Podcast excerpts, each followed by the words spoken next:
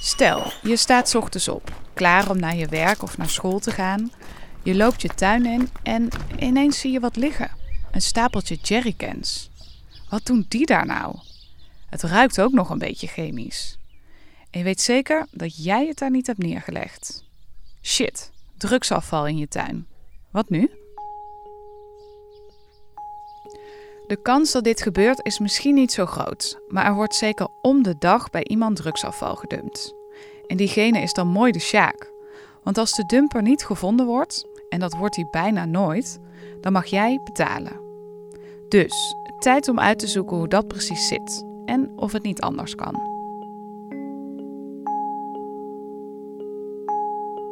Kinderen werden naar school gebracht en dan fiets je er langs en ik zag daar iets liggen wat daar in principe niet hoort te liggen. Dit is boer Robert, Robert van der Poel. 40 jaar en melkboer in het Zuid-Hollandse Rijpwetering, vlakbij Leiden. Hij heeft een huisje op de dijk met zijn gezin en onderaan die dijk staan zijn melkkoeien in een paar grote stallen. Afgelopen september vond hij iets op een van zijn weilanden. Langs dat pad lagen bij een schuurtje een dertigtal vaten. Ze waren niet open, maar ze waren drugsafval lijkend, zeg maar. Je dacht meteen, dit is drugsafval. Ja, ik dacht meteen, dit hoort hier niet, dit is foute boel, dit is gedumpt. Dus ik bel eh 112, eh, politie gebeld. De politie komt na een paar uur. Die zeggen ook drugsafval. Maar de gemeente moet het verder oplossen. Na weer een paar uur komt de gemeente met een paar man sterk. En die zeggen dat het drugsafval zo snel mogelijk opgeruimd moet worden. En omdat het de grond van boer Robert is, moet hij het regelen. Maar wel onder toeziend oog van de gemeenteambtenaren. Ja, dan komt natuurlijk eh, de discussie, eh, wie gaat dat betalen? Nou, de gemeente dacht in eerste instantie eh, onder het bestuurlijke dwang dat ik het moest opruimen. Gelijk onder toeziend oog van hun. En als ik dat niet deed, dan ging hun het opruimen op mijn kosten. Robert is geïrriteerd, want het is toch niet zijn schuld dat het daar ligt? Waarom moet hij er dan voor opdraaien? En inmiddels was het al eh, vijf uur geweest en ik eh, moest mijn koeien gaan melken. Dus, eh, want ja, als ze nou gelijk gekomen hadden, maar ja, voordat we eruit gediscussieerd waren, waren we er al uren verstreken. Robert heeft geen zin in dit gedoe.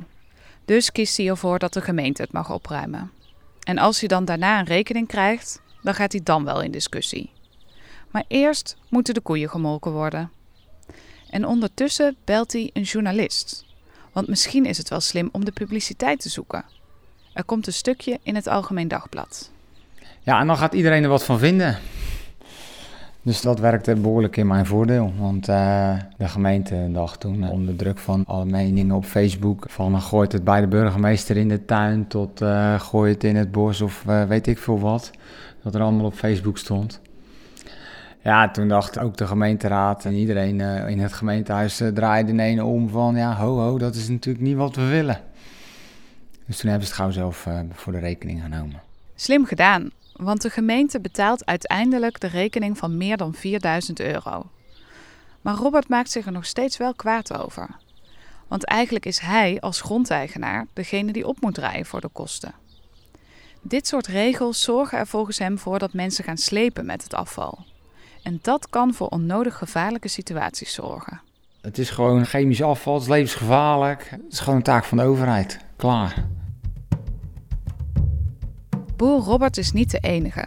Als ik ga zoeken, kom ik veel meer artikelen tegen van boeren of grondeigenaren die ineens drugsafval vonden en zelf hun portemonnee mochten trekken. Eén zaak valt daarbij op, in het Brabantse Nune.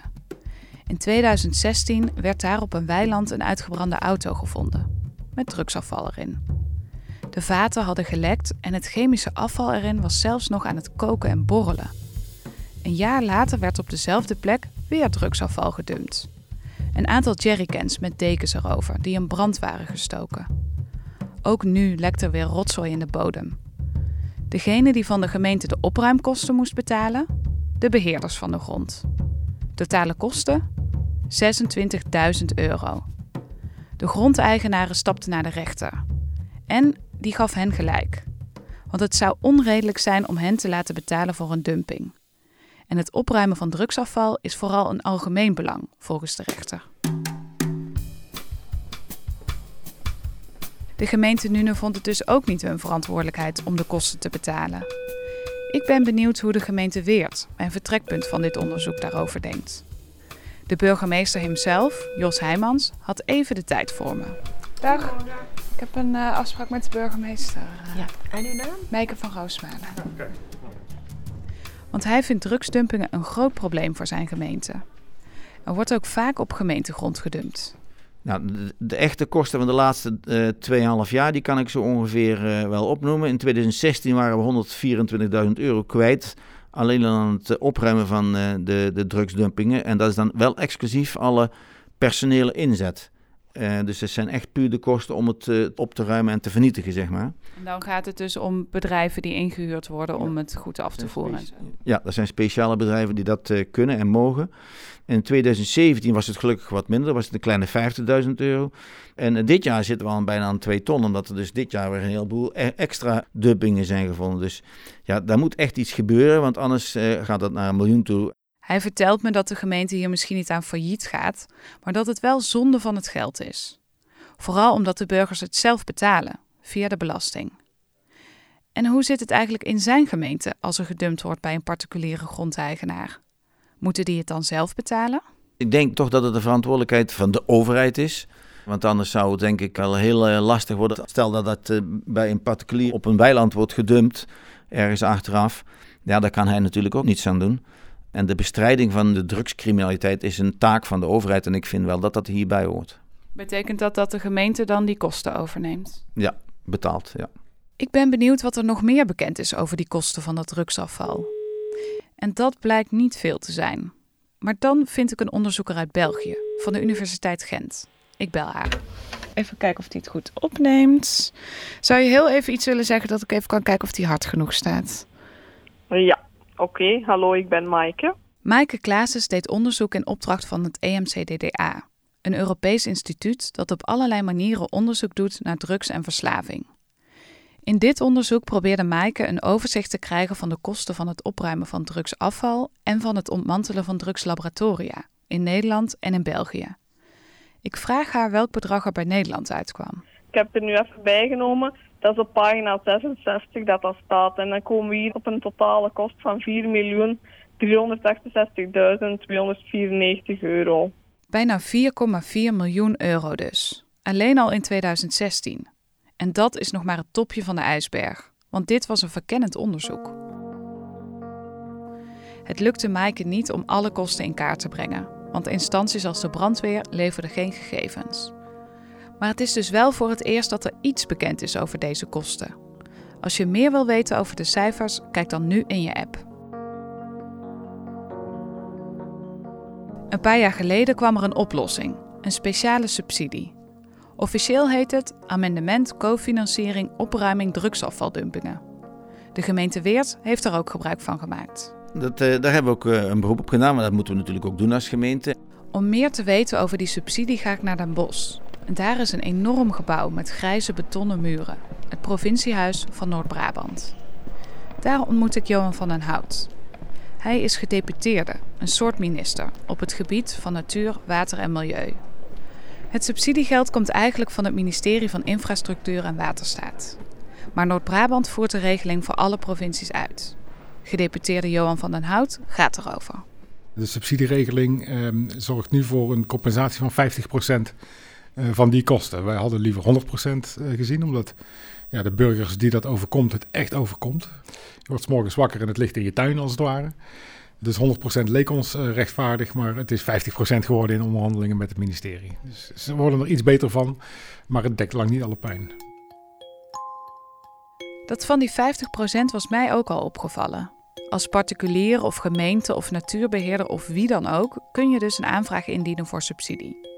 Je moet aan allerlei voorwaarden voldoen. Maar vooral, je krijgt maximaal 50% van de kosten vergoed. Bij die rechtszaak van de grondeigenaar tegen de gemeente Nune betekent het dat de gemeente met subsidie nog 13.000 euro zelf moet betalen. Ieder jaar kijkt de provincie of die subsidie nog wel goed werkt. In die rapporten zie ik dat het vooral gemeenten zijn die subsidie aanvragen. Bijna geen particulieren. Maar eentje in 2015 bijvoorbeeld terwijl het toen echt wel bij meer particulieren gedumpt is. En er valt me nog iets op in die rapporten. Pak even de cijfers erbij hoor, want als we kijken naar 2015, dan zie je, er is dus ieder jaar 1 miljoen uh, euro beschikbaar gesteld. Ja. Toen was er iets meer dan 4 ton aangevraagd en ongeveer 140.000 euro uitgekeerd. Hoe kan het dat dat potje toen niet leeg is gegaan? Ja, dat heeft ons in, in zekere zin ook uh, verbaasd. We dachten dat 1 miljoen uh, amper genoeg zou zijn, omdat we dachten in de provincie Brabant alleen al die schade wel te zullen hebben.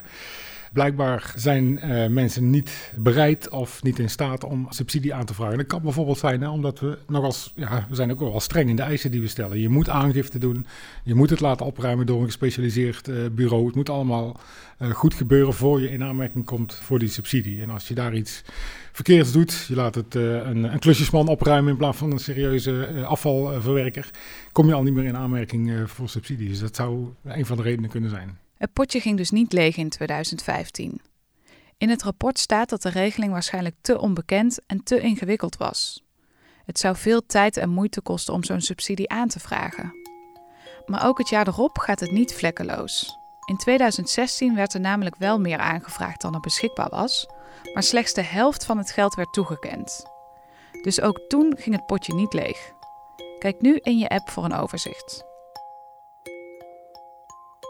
En, maar voelt zo'n subsidieregeling niet een beetje als een doekje voor het bloeden? Ja, ja dat is heel teleurstellend uh, allemaal. Eigenlijk, eh, ons, onze eigenlijke bedoeling voor deze regeling was dat mensen 100% gecompenseerd zouden worden.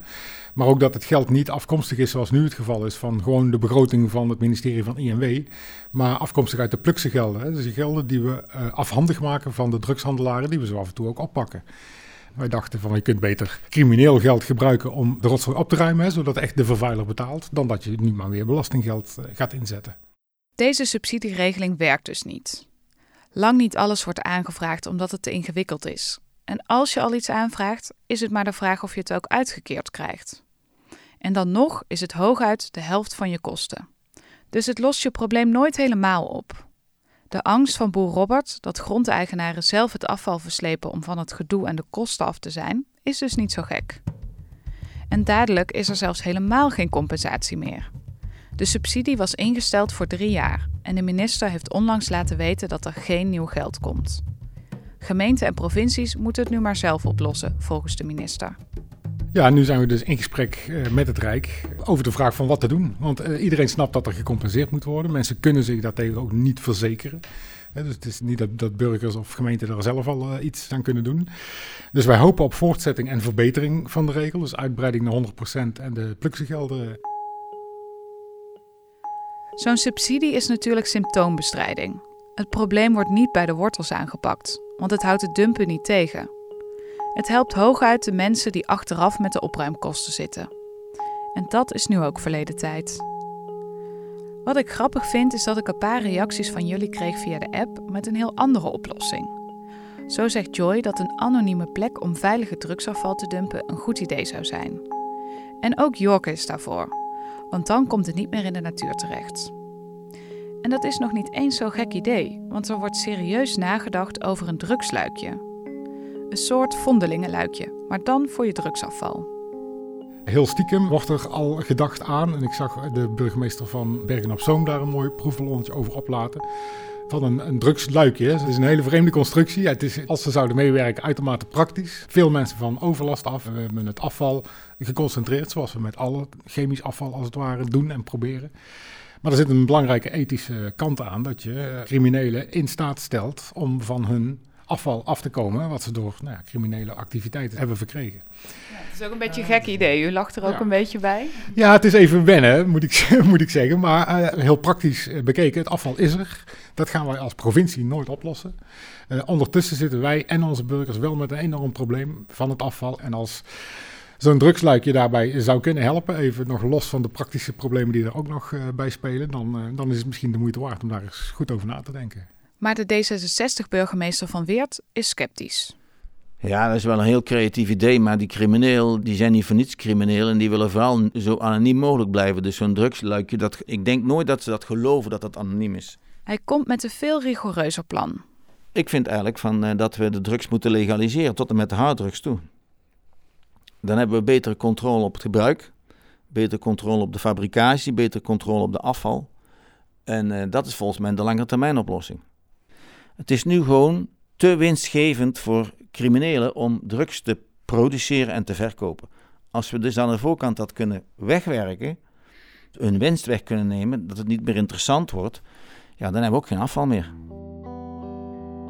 Dan heeft de gemeente een eigen drugslaboratorium. Bijvoorbeeld ja. En dat zal nog wel een procedure volgens mij, want laten we maar met die softdrugs beginnen. Maar ik ben ervan overtuigd, als je dit legaliseert en controleert, zowel het gebruik als de fabrikage, dat dat de oplossing voor de lange termijn is. Via de app kreeg ik ook verschillende reacties van jullie dat de beste oplossing is legaliseren. Ik weet zelf nog niet zo goed of dat nou echt de oplossing is of niet. Maar het is wel het overwegen waard.